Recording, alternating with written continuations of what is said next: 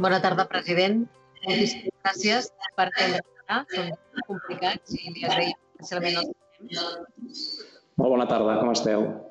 Bé, malgrat tot, avui portem un trist balanç doncs, 50 persones mortes a Catalunya. Uh, president, per què ha costat tant admetre que va infravalorar aquesta pandèmia? No només per part del govern de la Generalitat, per part de pràcticament tots els governs. Doncs eh, suposo que ha estat un efecte que ha passat a tot arreu. Eh, una pandèmia d'aquestes característiques ningú no l'havia viscuda i, i, per tant, és molt probable, penso que tothom ho està reconeixent, no? que, que efectivament cap, cap govern del món no va ser capaç de preveure l'abast d'una epidèmia com aquesta. També és cert que des del govern de Catalunya hem seguit sempre tots els criteris que l'OMS eh, ha anat marcant i, per tant, eh, penso que també vam ser dels primers en, en reaccionar. Per què es va trigar tant a ser conscients de la gravetat de la situació? Què es podria haver fet millor abans? Insisteixo, mm, penso que segurament el que es podria haver fet millor abans és, per exemple, tenir una, un sistema sociosanitari capaç de fer el que el sistema sanitari ha pogut fer, no? de tenir el múscul suficient doncs, per poder, d'alguna manera, eh, ser capaç de donar una resposta com la que ha pogut donar el sistema sanitari. Per tant, és molt probable, penso també, que, que una de les grans lliçons d'aquesta pandèmia és que, que hem de reforçar el sistema sanitari i el sistema sociosanitari. Això és, és, és claríssim. Hi va haver eh, decisions que van posar en risc a persones, és a dir, vist ara a de Perpinyà el 29 de febrer o la manifestació del 8 de març, s'haurien d'haver evitat? Doncs eh, nosaltres, per lo que nosaltres eh, coneixem, eh, i, i jo no conec exactament doncs, el tema del, del, del, del 8 de març a, a Madrid especialment, Eh, pel que fa referència a l'acte de, de Perpinyà, res indica que en aquells moments doncs, pogués eh, tenir cap mena de, de, de perill. No? Jo penso que totes les conseqüències de, de la pandèmia, és a dir, quan nosaltres eh, ens adonem de que la traçabilitat dels casos que puntualment s'estaven produint a Catalunya doncs ja no érem capaços de, de controlar-los. En aquell precís instant, l'endemà nosaltres ja prenem decisions tals com eh, tancar les escoles, eh, que es confini la Conca d'Òdena i ja el primer cap de setmana nosaltres ja demanem el confinament total de, de, de Catalunya. Eh, si tots eh, s'haguessin aleshores pres les decisions que nosaltres estàvem demanant que totes les decisions es prenguessin alhora, ràpidament i fàcilment, tot alhora i tot ràpidament. Doncs probablement mm, tot hagués anat, penso, d'una manera diferent, no? Eh, penso que aquesta ha sigut una de les claus, que s'ha reaccionat tard, eh, i per tant, doncs, doncs, aquesta és una de les, de les, de les conseqüències, sí.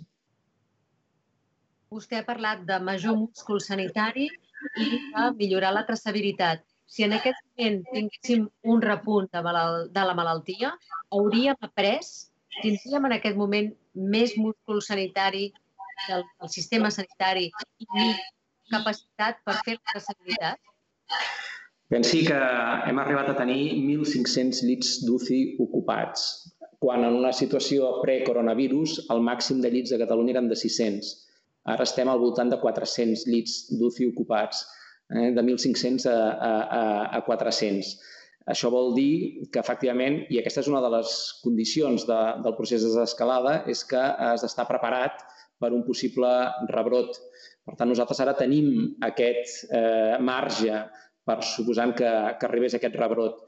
Però per lluitar contra el rebrot no només hem de posar-nos en aquest escenari. És a dir, jo penso que sobretot el més important i el missatge que hem traslladat sempre des, de, des del govern de la Generalitat és de màxima prudència, de que aquest és una... Això no és cap guerra, sinó que això és un compromís ciutadà i és una qüestió de sacrificis que ha de fer la, la ciutadania d'uns pels altres, senzillament, perquè aquí ens en sortirem tots o no ens en sortirem. I, per tant, si jo mantinc eh, les distàncies físiques, si jo mantinc eh, totes les normatives d'higiene personal, doncs estic no ajudant-me a mi, estic ajudant a tu. I això és el que hem d'entendre, de, que, de que aquesta epidèmia eh, posa, eh, posa, de fet, tot, tota la responsabilitat en el conjunt de la, de la població. Jo he expressat en diverses ocasions que per més normatives que dicti el govern espanyol o que pugui dictar el govern català o per més Mossos i policies que posem al carrer, finalment depèn de que tots siguem capaços de complir amb, amb una cosa tan senzilla com la responsabilitat personal, no? totes aquestes normes. Aquí, aquí hi haurà en gran part eh, l'èxit de, dels futurs mesos eh, és obvi que hi ha una qüestió molt important, que és aquesta de la responsabilitat individual, però també hi ha instruments milloren la situació, com poden ser els testos i la capacitat de traçabilitat. Està prou test. Hi ha prou capacitat de traçabilitat? Bé, nosaltres, precisament, i després de que els nostres experts ens aconsellessin doncs, eh, iniciar aquesta fase de desconfinament amb les tres regions que nosaltres vam proposar i que el govern espanyol ha, ha acabat acceptant, eh, entre altres motius, era aquest, era ser conscients i era estar preparats per poder fer doncs, els testos eh, des d'atenció primària a tots els simptomàtics que, que es poguessin presentar i, i, a més a més, ser capaços de fer aquesta traçabilitat. No? Per tant, aquesta és una condició que nosaltres farem sempre en tot aquest procés de desconfinament. Hem d'estar molt segurs, és a dir, el pitjor d'un confinament no és el confinament, sinó que pugui venir un segon confinament. Aquesta és eh, la qüestió que hem d'evitar de, de totes, totes. Per això hem d'estar, evidentment, preparats, però no n'hi ha, no, no hi haurà prou per estar preparats. Eh, també dependrà d'aquesta, insisteixo, d'aquest compromís col·lectiu de tota la ciutadania, de no relaxar-nos, perquè tot és reversible i, per tant, eh, hem d'estar amb, amb, amb la màxima prudència, amb la màxima alerta. Jo no em cansaré de seguir insistint en aquesta qüestió. President, el doctor Mitjà diu que Espanya va actuar amb 15 dies de retard. Vostè ha estat molt crític amb la gestió de Pedro Sánchez. Vostè també creu que una Catalunya independent hagués tingut menys morts, com ha dit algú?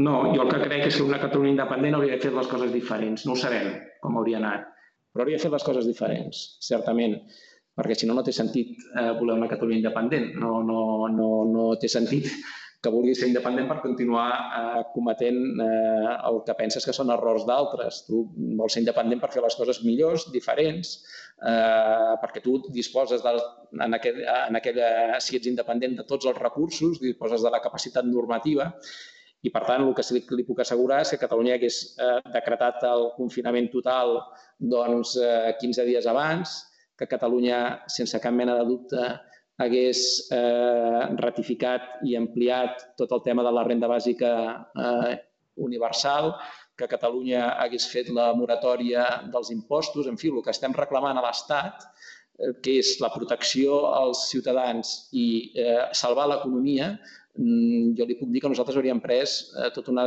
altra sèrie de, de mesures. I, I, per tant, ningú no sap com, com, com ens hagués anat, però el que és cert és que compares doncs, mm, com ha anat a altres països del món i els resultats són diferents. No? Per tant, cadascú ha gestionat aquesta pandèmia de, de, manera, de manera diferent. Jo el que sí que ho penso, per això no sóc independentista ara, però sóc independentista des de fa molts anys és que penso que una Catalunya independent, que pugui gestionar els seus recursos i que pugui, sobretot, doncs, eh, legislar i donar seguretat jurídica, que en una situació d'epidèmia com aquesta és molt important, doncs hauria fer les coses diferents. I la previsió de la pandèmia es podia haver fet doncs, també d'una manera diferent i millor? Doncs, eh, qui sap? Eh, eh, qui sap, perquè amb això cal reconèixer que tots els estats han anat tard. És, és una cosa que jo penso que tothom ha de reflexionar, no? com és possible que quan l'epidèmia estava passant a, a la Xina doncs ja no ens, no ens adonéssim de la gravetat del que podia succeir, com és possible que passant el que passava a Itàlia no ens adonéssim de la gravetat i quan començàvem a tenir els primers casos i que eren traçables, doncs no ens podíem imaginar el que, el que passaria després, efectivament, i això ha passat arreu. I, per tant, penso que és una reflexió que ha de fer la humanitat sencera, eh? de que eh, o d'una vegada per totes canviem mm, els models que s'han mm, demostrat que són caducs i posem les persones al centre i ens adonem del que és realment essencial en aquesta vida i en la política o, o altres epidèmies que vulguin venir al futur poden ser inclús eh, molt més greus que aquesta. No? I, per tant, penso que obliga una, una gran reflexió. Jo, a mi no m'agrada dir que d'aquesta crisi podem treure una oportunitat, perquè penso que, que, que inclús aquesta expressió de treure una oportunitat en, en, en aquests moments no, no, no, no és correcta, però sí que podem treure moltes lliçons. No? I una, i una d'elles és evident eh, insisteixo en que cal eh, tot un sistema de, de protecció a les, a les persones i sobretot un canvi de valors. Per mi això és molt important i he intentat en tots els meus discursos públics insistir-hi molt, no? un canvi de valors, de donar-se el que és realment essencial. No? I, I potser no ho sabíem, no ho percebíem.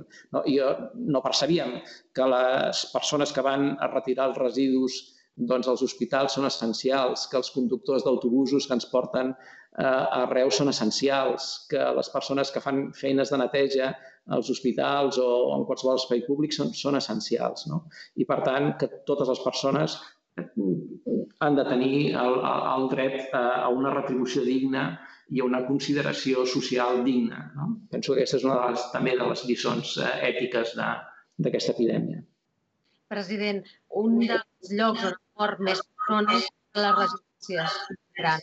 Han mort fins al moment 3.271 persones en residències i, i 145 en centres sociosanitaris. Es va reaccionar tard en el control i en el traspàs del control de salut? Miri, jo des de la primera setmana em vaig reunir amb els patronals de les residències i m'he anat reunint cada setmana només per eh, fer-lo fer avinent la importància que des del primer moment personalment jo li vaig donar aquesta qüestió. No? I han sigut, eh, li he de confessar, les reunions més dures que jo, que jo he tingut en videoconferències en moments eh, realment molt i molt, molt i molt complicats, també personalment, molt, molt complicats, eh, en uns moments de, de, de túnel total en el que estàvem fa, fa, fa dos mesos. No? I jo penso que el que, el que ens vam adonar és que les coses no podien continuar d'aquella manera, és a dir, que necessitàvem realment fer un canvi de model. I això és el que jo vaig eh, proposar i el que va acabar, vam acabar decidint doncs, de traspassar tot el tema de la gestió de residències de salut. Insisteixo, ve d'aquesta aquest, arrel eh, i d'aquesta incapacitat que, que tenia el, el, el model de residències o de la, de la falta de múscul que tenia el model de sociosanitari respecte al model sanitari. És a dir, que el clínic hagi triplicat les UCIs només es pot entendre per eh, molts anys d'expertesa i de coneixement eh, sobre el terreny del, del sistema sanitari català. No?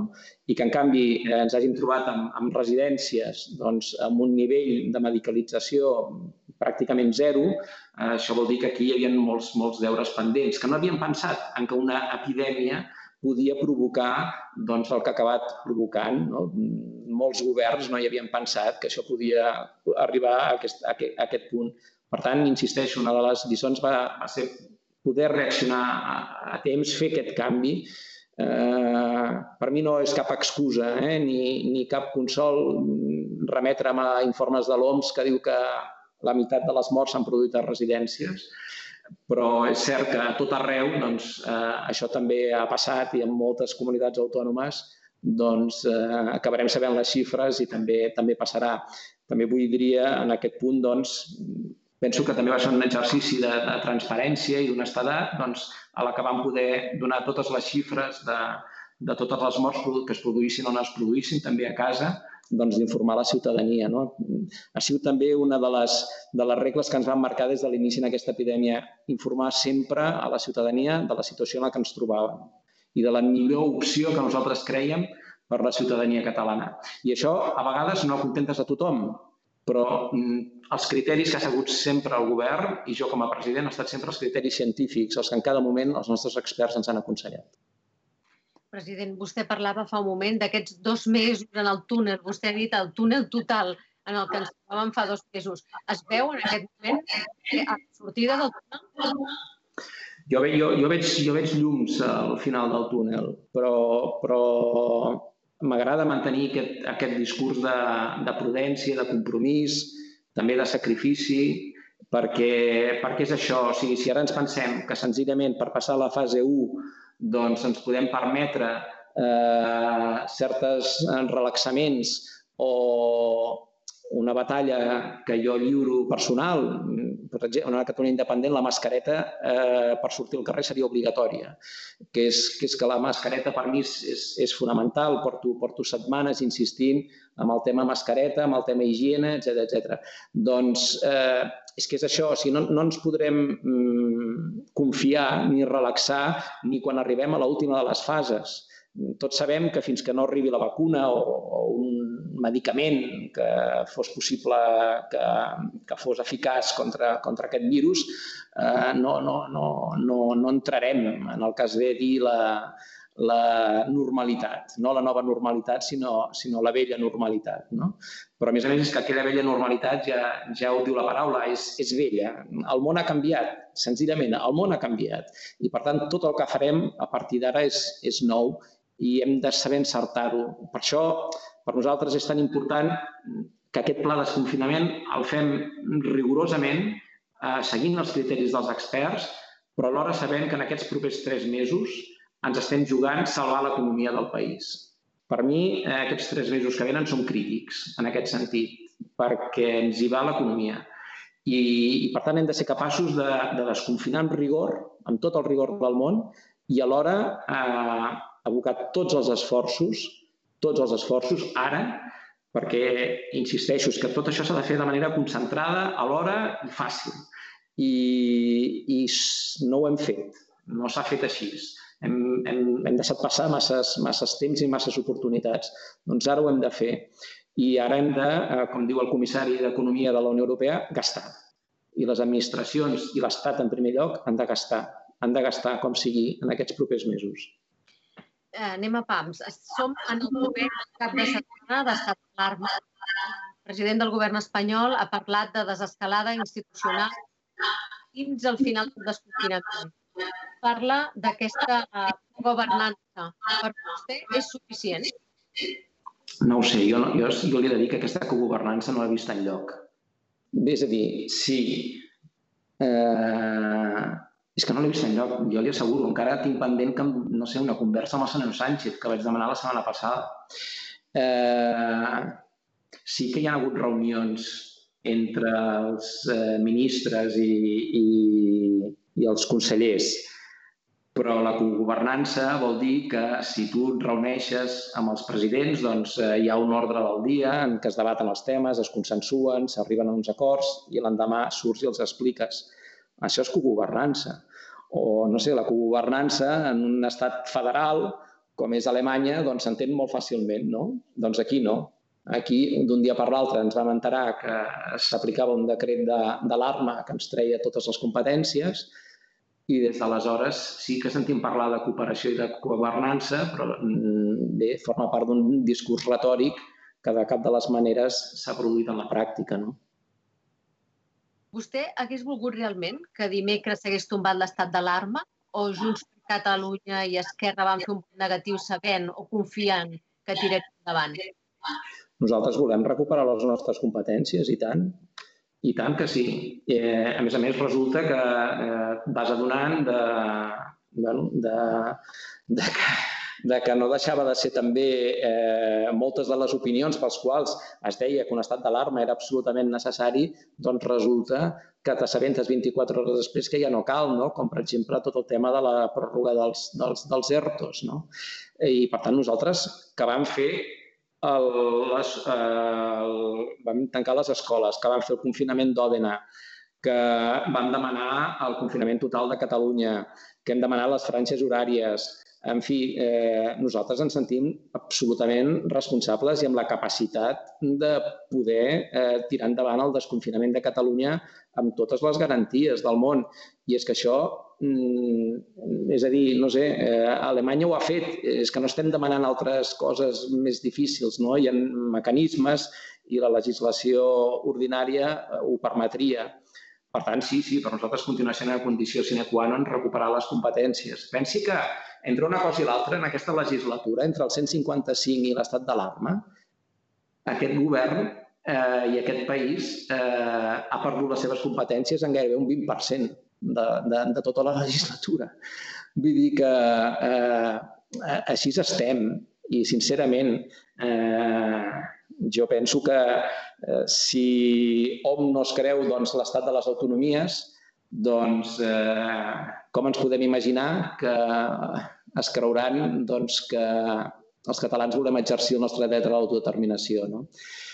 El, la cogovernança eh, s'entén si, si cogovernes i jo no he cogovernat. Sánchez no es creu l'estat de les autonomies? No, en absolut. Almenys pel que hem vist aquests dos mesos, en absolut. És així, ho hem vist també en la darrera votació. Sembla que prefereix doncs, eh, l'opció de l'estat de ciutadans que l'opció d'altres concepcions eh, d'estat. No? I, per tant, eh, a mi em sap molt greu aquesta votació en la que s'hagi anat a buscar doncs, a, a ciutadans i no s'hagi volgut doncs, eh, cap altra, cap altra, altra sortida però és una votació en la qual vostès no li, no li, no li donaven la mà.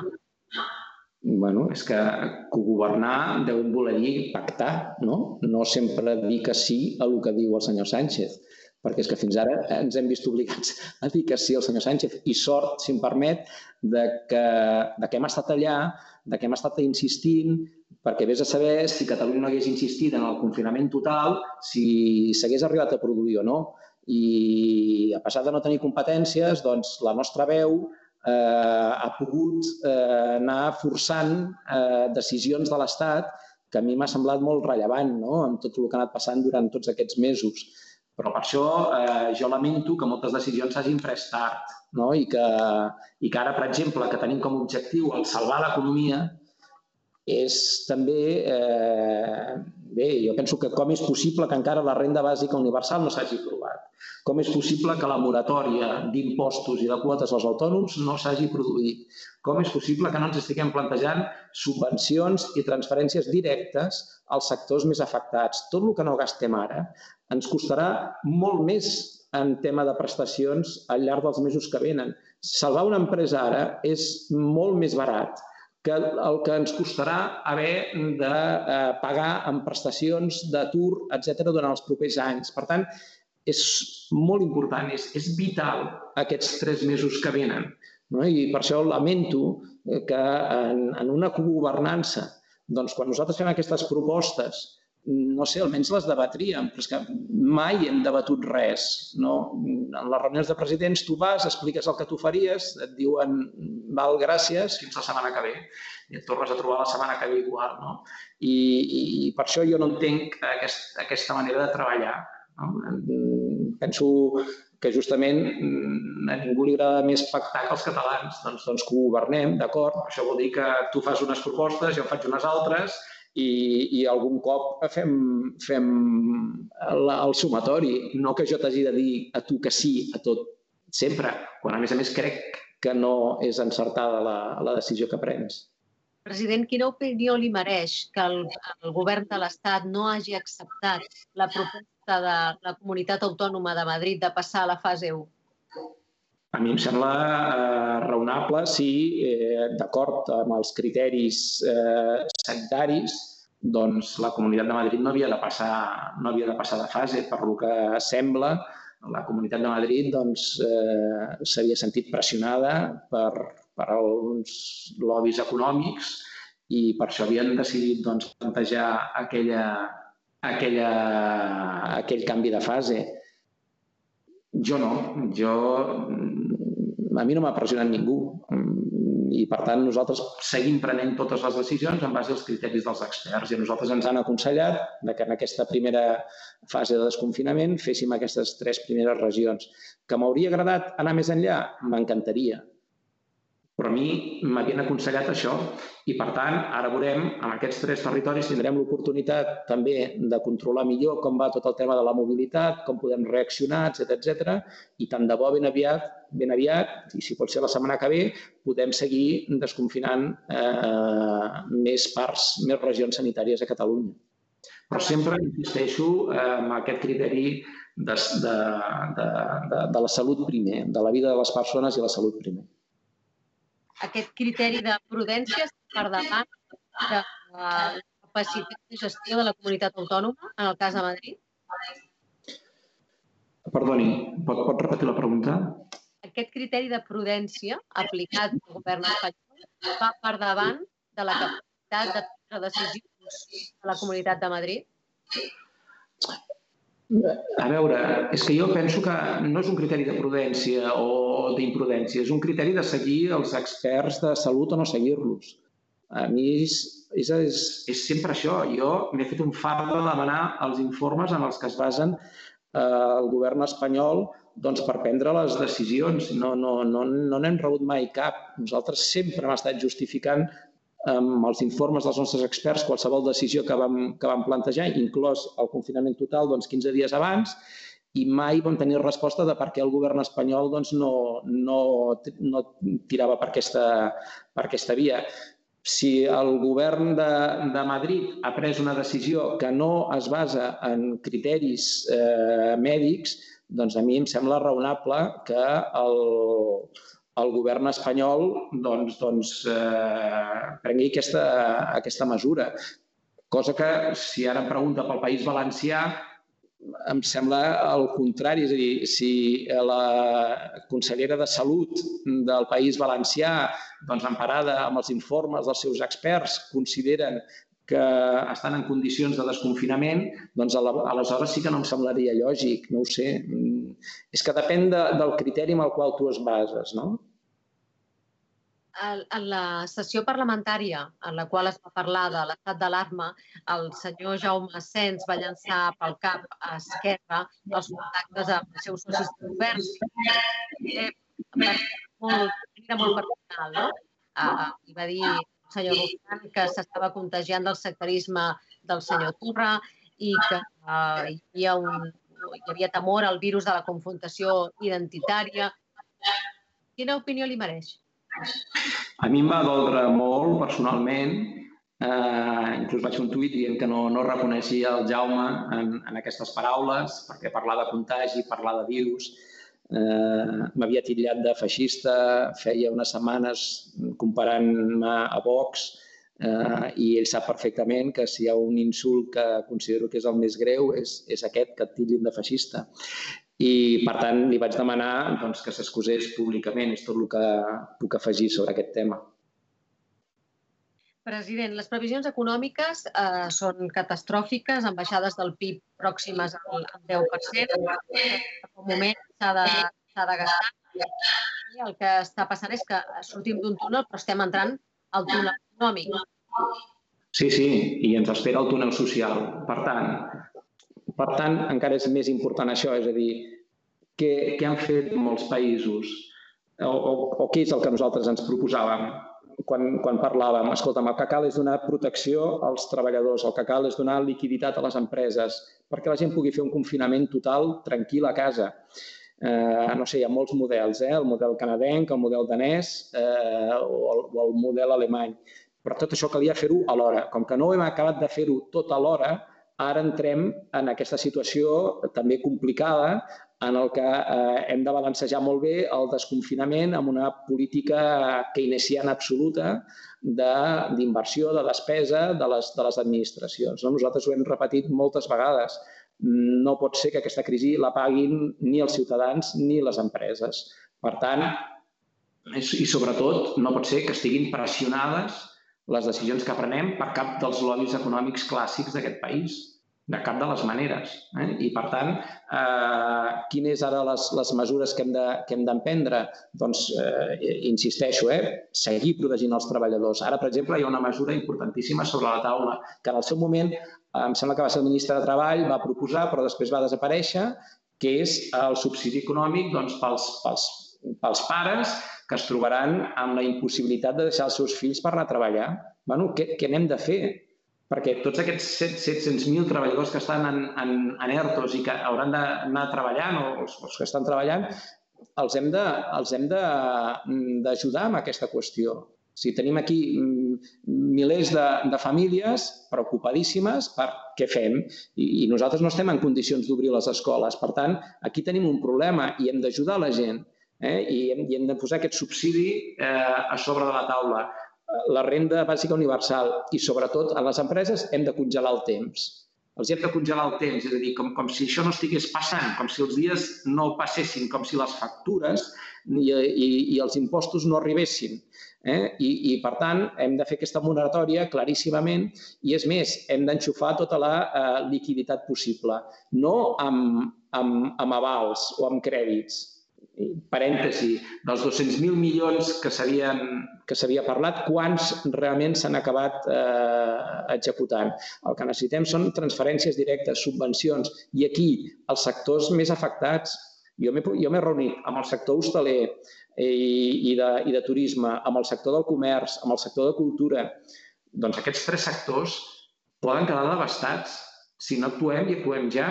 I ho hem de fer amb ajudes directes, amb ajudes directes i hem de compensar la gent doncs, que veurà el seu negoci reduït eh, perquè haurà de prendre mesures de seguretat. Tot això ens és més barat si ara fem una acció de força i d'injecció de diner públic eh, als nostres eh, emprenedors, empresaris, autònoms, que si eh, optem per altres solucions que ens acabaran costant molt més cares. Per tant, per això insisteixo en la importància d'aquests tres mesos per salvar l'economia. President, uh, i la Generalitat des de, fins a quin punt està sent prou, uh, prou uh, forta, prou ràpida, uh, fent una acció suficientment diferenciada en el sentit que vostè està dient. Penso, per exemple, en els autònoms. Les decisions sí. dels autònoms han resultat a la pràctica molt burocràtiques i, a més a més, difícils d'arribar-hi. I jo li reconec aquest punt de, de, de que no som encara prou ràpids, sí. I, per tant, per això també vam constituir la Comissió Econòmica de Reactivació Econòmica i de, i de Protecció Social per justament paquetitzar totes les ajudes. És a dir, al ciutadà, a les empreses, als autònoms, els hem de posar fàcil, fàcil, molt fàcil les coses, molt fàcil, perquè tot ha d'anar molt ràpid ara. I, per tant, hem de ser capaços de, eh, de ser molt clars en, en quins són els ajuts, quines són les subvencions. Nosaltres estem en, en ple procés, com sap vostè, doncs, de prioritzar una eina important que tenim, és important, que és el pressupost, el nou pressupost, que ens permet no només una agilitat a l'hora de tramitar les despeses, sinó disposar de molts més recursos dels que teníem fins ara, certament, això és així, però hem de, eh, hem de veure tota la taula. I tota la taula també vol dir que nosaltres també hem de fer dèficit i nosaltres també hem d'aprofitar els superàvits dels ajuntaments, i haurem de fer tot el que faci possible en aquests tres mesos, insisteixo, en aquesta operació rescat, operació salvament eh, de l'economia, també en l'àmbit de les nostres possibilitats. Ja, ja, ja es pot imaginar vostè que a mi m'agradaria tenir, doncs, disposar de tots els recursos, eh, perquè, a més a més, tot això ho hem de fer amb una mà lligada a l'esquena, que és el dèficit fiscal insuportable que té aquest país. No? Els 16.000 milions d'euros que cada, que cada, que cada any desapareixen de, de, de Catalunya i no tornen. Amb, amb, amb, amb tota aquesta eh, extrema dificultat, doncs hem de ser capaços, eh, a pesar de tot, d'aprofitar fins a l'últim euro i de gastar fins a l'últim euro allà on calgui gastar-lo. I per això eh, nosaltres eh, hem constituït aquesta comissió interdepartamental i per això analitzarem tots els casos per poder-ho fer eh, més ràpid, més fàcil i d'una manera, diguem, molt més intensiva. Disculpi, president, però ser menys burocràtic no és una qüestió de diners. No, és una qüestió de, de, de ser àgil. Eh? I jo que vinc del món de l'empresa, doncs eh, li puc assegurar que efectivament que, que l'administració sovint doncs, no té el ritme que té l'empresa privada. Qualsevol que hagi treballat en una empresa privada ho, ho, ho, ho veu, això. Eh? Certament és així. Doncs això ho hem de millorar i ho hem de millorar i això depèn de nosaltres. Aquest, aquest és un tema a exigir a la, a la Generalitat fins a les últimes conseqüències. Com fins a les últimes conseqüències ser capaços de prioritzar els pressupostos fins a les últimes conseqüències. Però nosaltres no podem aprovar un subsidi eh, per, les, per les famílies, per les persones que tenen cura de persones dependents, siguin discapacitats, siguin nens o siguin, o siguin adults. Nosaltres no tenim un, la capacitat eh, fiscal i normativa. Eh? Però nosaltres tenim un pressupost molt important. Nosaltres tenim eh, que ser capaços de, de gastar tot el que puguem gastar i més. Nosaltres eh, hem de ser capaços de treballar amb els ajuntaments també per, perquè aquest paquet d'ajudes no es dispersi amb els ajuntaments i amb les diputacions i que, per tant, els autònoms, els empresaris i, en concret, els empresaris de l'hostaleria, de la restauració, els botiguers, sàpiguen que aquelles ofertes han d'anar llum disparades i, um, i amb una direcció. I, i, i, I aquest sí que és un deure exigir-nos a nosaltres, la celeritat, la rapidesa. Ara és vital li està exigint als seus consellers perquè vostè és el president. Sí, ens ho exigim tots. Mm, escolti'm, però també els consellers m'ho exigeixen a mi, eh? Vull dir que, que també em demanen que totes les decisions que prenguem siguem, siguem, siguem ràpids. I jo penso que, que justament una de les satisfaccions és veure que estem treballant bé, estem treballant en, en, com un equip i, per tant, eh, estic, estic convençut que aquesta feina la farem bé. Vol dir que aquesta crisi els està cohesionant Vull dir que estem treballant molt bé com un govern on la, compartim decisions, on tenim un, uh, un comitè de seguiment doncs, doncs cada dia amb el vicepresident, la consellera de Salut, el conseller d'Interior, la consellera de Presidència, on hem fet, com sap vostè, doncs, consells executius extraordinaris cada vegada que ha calgut, on tenim reunions eh, sectorials i sempre m'acompanyen doncs, els consellers, a part de totes les reunions que ells tenen. Eh, jo penso que hem sabut que en aquest moment tan important, si em permet, eh, i n'abusem, oi? Però, però històric pel nostre país en quant a, a ser capaços ara de reaccionar i de posar el país per davant de tot, de qualsevol interès partidista, jo reconec que, que almenys en el govern tothom té aquest esperit i el comparteix. President, uh, vostè parla d'uns pressupostos que es van construir pensant que el país creixeria gairebé al voltant del 2% i el país pot caure al voltant del 10%. Falten molts diners. Sí, sí, falten molts diners. Faltaran molts diners. La reducció de despesa? Tenim la sort de que gràcies a la feina que han fet eh, aquest govern i els governs anteriors no, no tenim eh, la necessitat, i és més, ara seria absolutament perjudicial que reduíssim la despesa. Pensi que li estic eh, dient tot el contrari, que hem de gastar. Hem de gastar-ho tot. Eh, I, per tant, eh, el que sí que nosaltres també eh, reclamarem, tal com el govern espanyol reclama a la Unió Europea, nosaltres també que aquests, eh, aquesta despesa extraordinària eh, en costos i eh, del, en costos sanitaris eh, i, en, i, en, i, en altre, i en costos sociosanitaris que vam estimar que hem estimat de 4.000 milions, però també hi ha estimacions que està fent la, la Cambra de Comerç de què costarà salvar l'economia del país i s'estan parlant de xifres de 12.000 milions d'euros, per exemple, 12.000 més 4.000, doncs ens situen en, en xifres de, de 16.000 milions d'euros. No? Eh, són xifres molt importants, són xifres eh, que obliguen a tot el país, que obliga a un pacte molt important. Per això nosaltres volem concertar i ho dic així, volem concertar amb patronals i sindicats. Nosaltres volem eh, parlar amb tots els agents econòmics, socials i culturals del, del país, perquè jo no em vull oblidar de la cultura, també un dels grans damnificats. Nosaltres volem apel·lar a tot el talent de la nostra societat. No, no, no hi ha una altra manera de fer-ho i, si em permet, eh, gairebé eh, és la manera que tenim els catalans de, de fer-ho quan ens trobem en situacions com aquestes, a través d'un de, de, de posar cap, Catalunya al davant de tot i de, i de fer aquest gran pacte de país més enllà de qualsevol discrepància política. Ningú no entendria ara eh, batusses eh, polítiques davant d'una davant d'una urgència com aquesta, perquè, perquè sí, vostè estava parlant d'aquestes xifres, no? Tenim entre estimacions de, de caigudes al PIB del 7 o el, o el 10%, però, però inclús podria ser pitjor si, si no som capaços d'encertar-ho, de ser ràpids, àgils i de bolcar tots els esforços ja. La paraula és ja. No, no, no. Aquestes decisions d'aquest pla s'han de prendre en aquest comitè tècnic de la Comissió pel Pla de Reactivació? En els ciutadans, la creació d'un comitè no els hi sembla eh, que, que hagi de tenir resultats immediats? No, no, doncs, doncs els tindrà immediatíssims, perquè, perquè aquestes són les instruccions que, que s'han donat.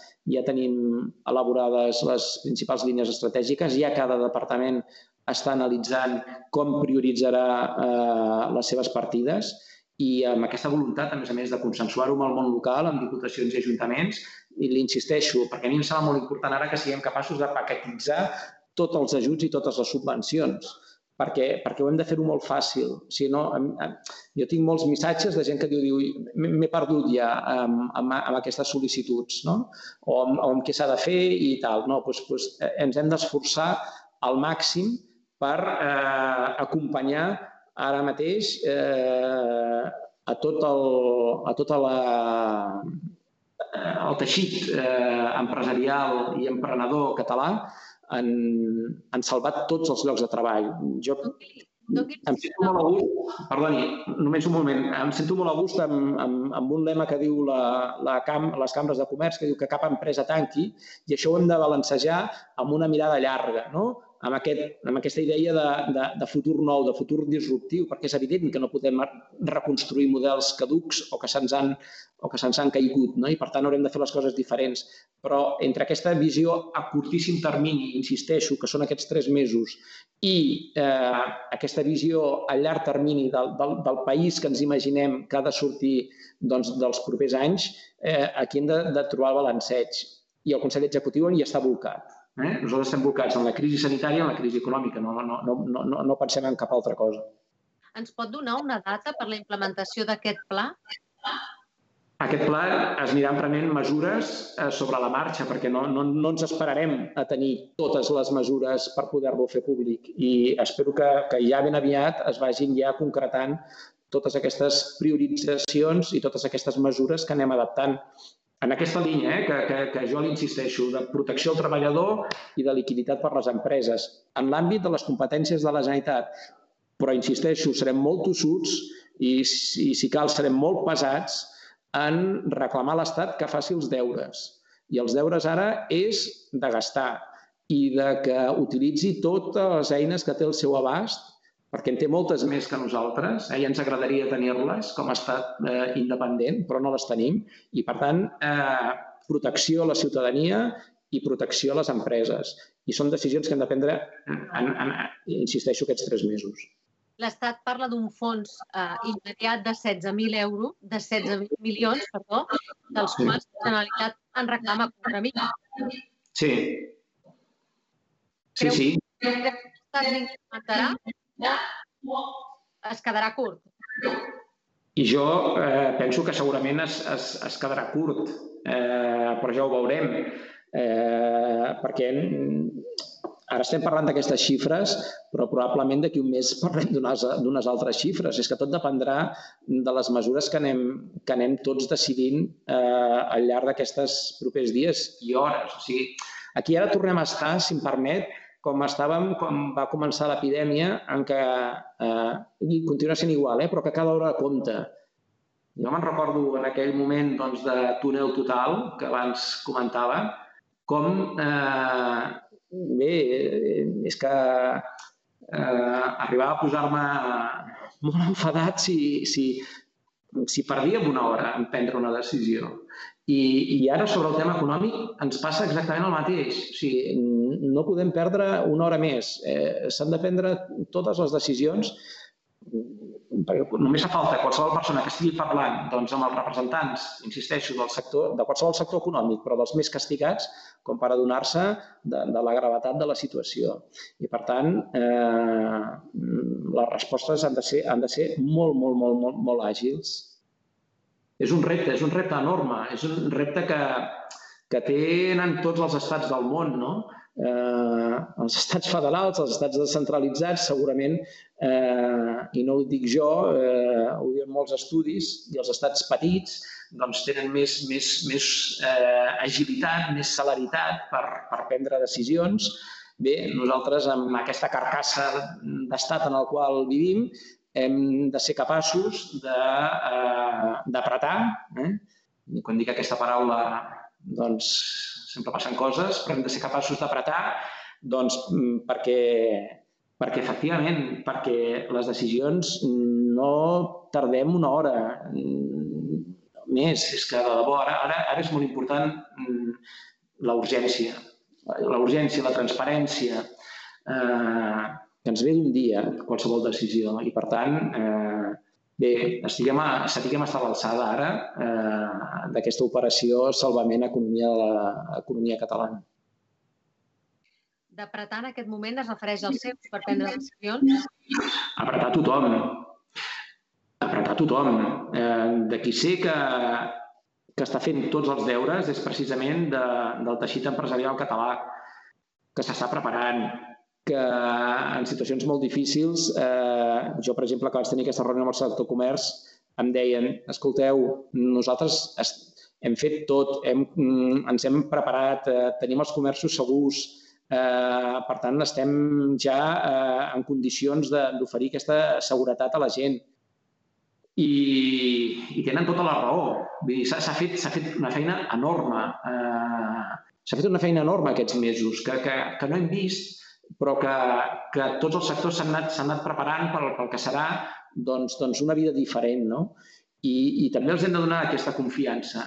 I, per tant, a mesura en què la crisi sanitària ens vagi permetent doncs, aquesta obertura d'activitat, el, el que segur que no fallarà és, és l'emprenedor, és l'empresari. És el més interessat en que, en que les coses li vagin bé i en mantenir els seus llocs de treball. Doncs ajudem-los ajudem-los, ara, ara més que mai, que no es perdi ni un lloc de treball, que, que, que, que els ERTOs doncs, no es converteixin en, en, en EROs i per això haurem de crear subsidis doncs, pels, pels, eh, pel, per totes les persones que tenen cura de persones dependents. Per això haurem d'ajudar també amb, amb tot el tema de la renda bàsica eh, universal. Per això hem de enxufar, i perdonin que ho digui en aquests termes, diners eh, directament a aquests sectors més afectats perquè puguin reprendre la seva, la seva activitat.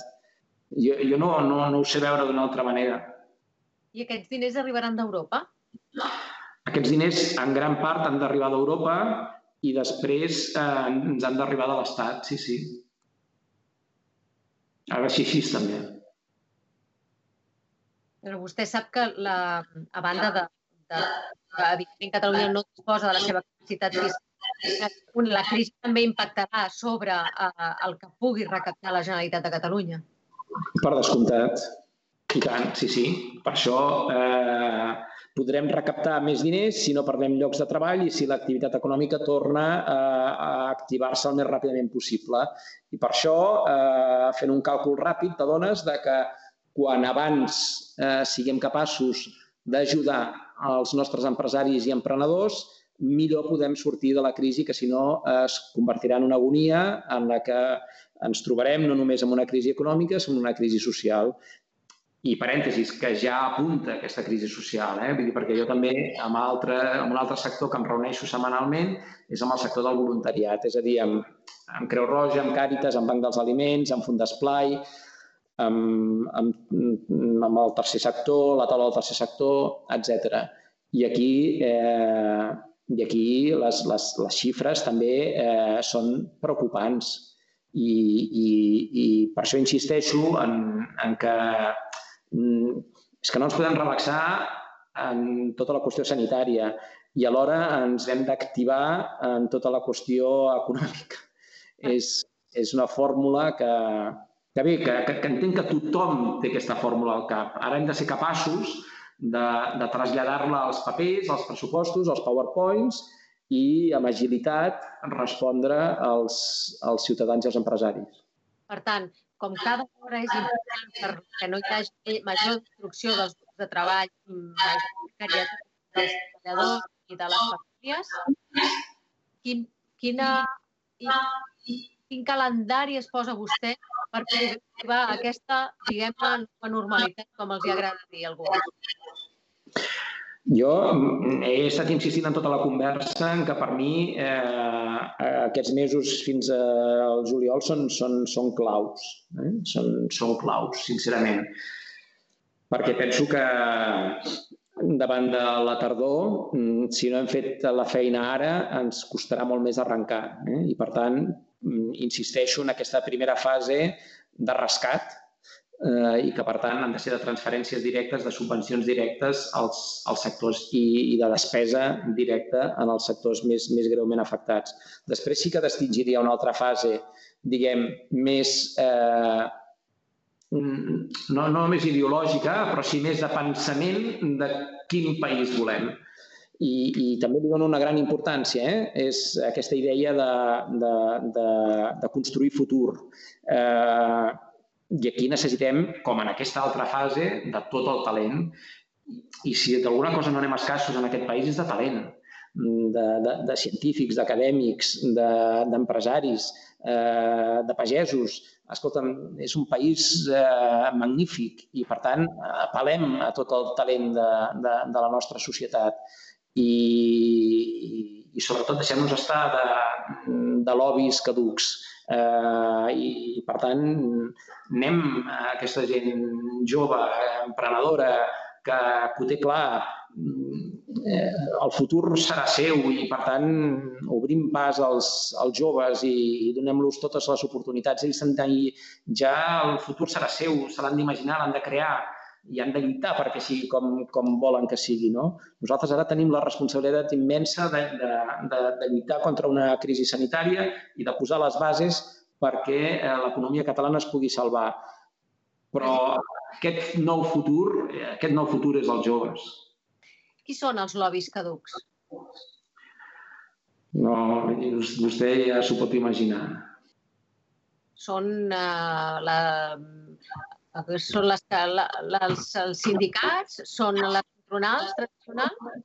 No, no, no, no. Vull dir, no, no, no cal entrar en detalls. Vull dir, però penso que durant molts anys, eh, sobretot potser més a Madrid, però també a Catalunya, doncs, eh, ens hem mogut en uns determinats cercles d'influència. I el país ha canviat molt. El país ha canviat molt i, i aquesta epidèmia l'ha acabat de, de girar del tot. I, per tant, eh, aprenem de, la, de les lliçons i si volem un país verd, lluitem per tenir un país verd. Si volem tenir un país eh, on els emprenedors mm, hi creguin, doncs fem que aquest país sigui un país per als emprenedors. Eh, si volem tenir un país on la protecció social, i ara ens adonem que és tan important, no? la protecció de les persones, la protecció a les persones més desvalgudes, especialment, les persones amb discapacitat, els joves, els grans. Doncs, ostres, doncs fem que totes les polítiques les orientem també aquí, reforcem eh, el sistema sanitari i sociosanitari, digitalitzem el país. Eh, aquest país té eh, unes possibilitats immenses i les continua tenint i, i també hem d'enviar aquest missatge d'esperança. Eh?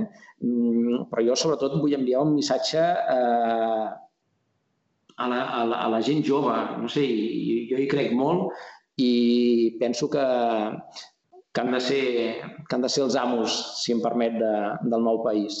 President, digui quins són els sectors que seran els de la sortida d'aquesta crisi? Els que pitjor passaran No, la, bueno, no, més aviat li demanava qui serà la palanca per sortir de sortida, perquè els que pitjor passaran podem parlar del turisme, per exemple. Però Els- la palanca de sortida. Val, d'acord.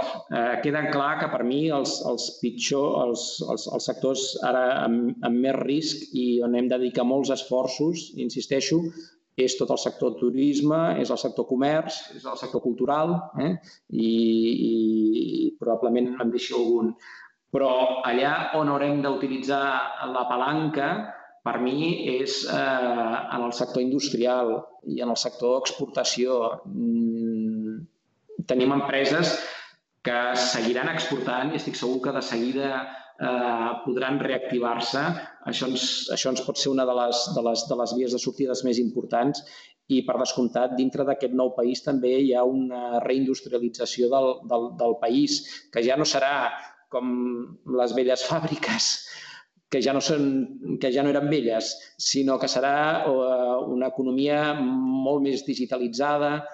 Jo penso que tenim, tenim la, la, la gran sort i, i perquè s'havien posat a les bases doncs, que efectivament aquest hub tecnològic del sud d'Europa en què és en què és la ciutat de Barcelona i la seva conurbació, doncs eh, sigui realment eh, una de les grans palanques per, per poder sortir de la crisi. També eh, voldria fer una, un, o eh, aturar-me un moment en, en el sector mm, alimentari, eh, en tota la cadena del sector alimentari, que, que ha aguantat molt bé durant aquesta crisi i que eh, penso que sobretot ens ha de fer tornar a un concepte de sobirania alimentària, no? eh, que és un concepte importantíssim en aquests moments. No? Mm, el sector va, va bé, però, per exemple, el sector vinícola no va tan bé, és a dir, va bastant malament. I, per tant, tot el que sigui consumir productes de Catalunya, productes de proximitat, serà molt important també en aquests, en aquests propers mesos. I, per tant, animo també els catalans doncs, a, a ajudar en tot el possible i penso que eh, molta gent ho ha descobert eh, perquè, perquè hi ha hagut moltes iniciatives privades eh, donant a conèixer doncs, eh, aquests productes de proximitat, a vegades tan, tan pròxims però tan desconeguts. No? Doncs bé, és el moment, és el moment de fer confiança eh, als nostres pagesos, als nostres ramaders, als nostres pescadors. És el moment de, de valorar doncs, el, que, el que tenim al país i de, i de consumir S'ha acabat la globalització? No, hi haurà una altra, hi haurà una altra, una altra globalització, però ara necessitem palanques, palanques immediates. Eh? I el millor que podem fer per, a, per ajudar-nos tots plegats és ajudar-nos primer a nosaltres, a ajudar-nos a nosaltres mateixos. No? Però eh, tant com li poso aquest exemple, li poso de les exportacions eh? i, per tant, eh, ho, valoro, ho valoro igual. Però a vegades és un sector, l'agroalimentari, que es deixa com molt de banda i hem vist eh, l'essencial que ha estat aquestes últimes setmanes i, i ara també amb la temporada de, de fruita no? i de recollida de fruita com, com, com d'important és. Eh, jo penso que, i mateixa recomanació que faria pel, pel turisme, eh, sí, tenim la possibilitat doncs, aquests mesos d'estiu de, de poder fer eh, algun dia de vacances i de poder anar eh, doncs, a descansar alguns dies, doncs penso que també és una gran oportunitat per descobrir el nostre país. No? I, I segurament així també ajudarem els nostres eh, hotelers, els nostres restauradors. Eh, Vegem-ho des d'aquest punt de vista també. President, Oriol Junqueras ha demanat que es convoquin eleccions abans que el Suprem l'inhabiliti. Uh -huh. Ho farà? No. Uh, jo, jo és que en aquests moments, de debò, no, insisteixo, no, no, és que el tema eleccions no, no, no és cap de les meves prioritats ni del govern. Eh? Eh, tampoc ningú no m'ha demanat eleccions. I el que per mi ara és bàsic i essencial és centrar tots els esforços, tots, tots els esforços, centrar-los en el nostre país, en què ens en sortim ens en sortim de la crisi sanitària i de la crisi econòmica per no caure en una crisi social. I, per tant, eh, jo estic aquí ara mateix. No sé, és que em semblaria una mica estrany ara pensar en eleccions quan estic dient tot el contrari, que ens hem de concentrar aquests propers mesos que són vitals i que no podem perdre ni una hora amb altres motius. I unes eleccions comportarien, doncs, eh, bueno, ja ho ha vist vostè, que té més experiència que jo en aquest món de les eleccions i dels polítics, doncs, que, que, que entres en unes batusses, eh, tot queda aturat, etc. I em sembla que, que ara això doncs, no és justament el, que li convé al país, sinó que, els, que ens convé màxima concentració en el repte formidable que tenim al davant confia que el Tribunal Suprem, per tant, no dicti una sentència abans que no se superi aquesta crisi.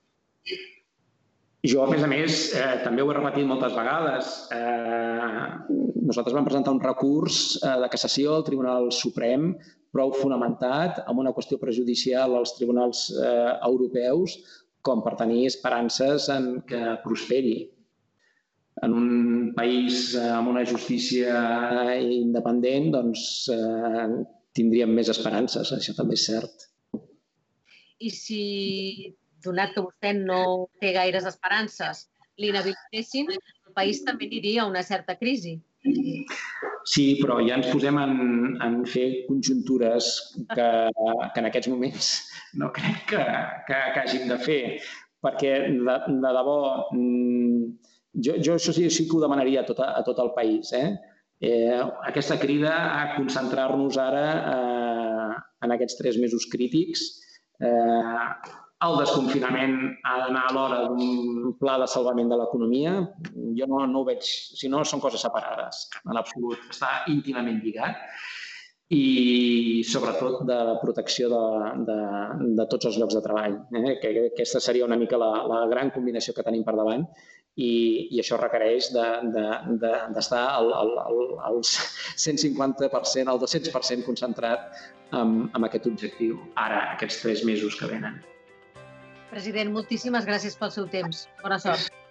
Moltes gràcies a vosaltres. Al final hem pogut parlar. Sí, moltíssimes gràcies.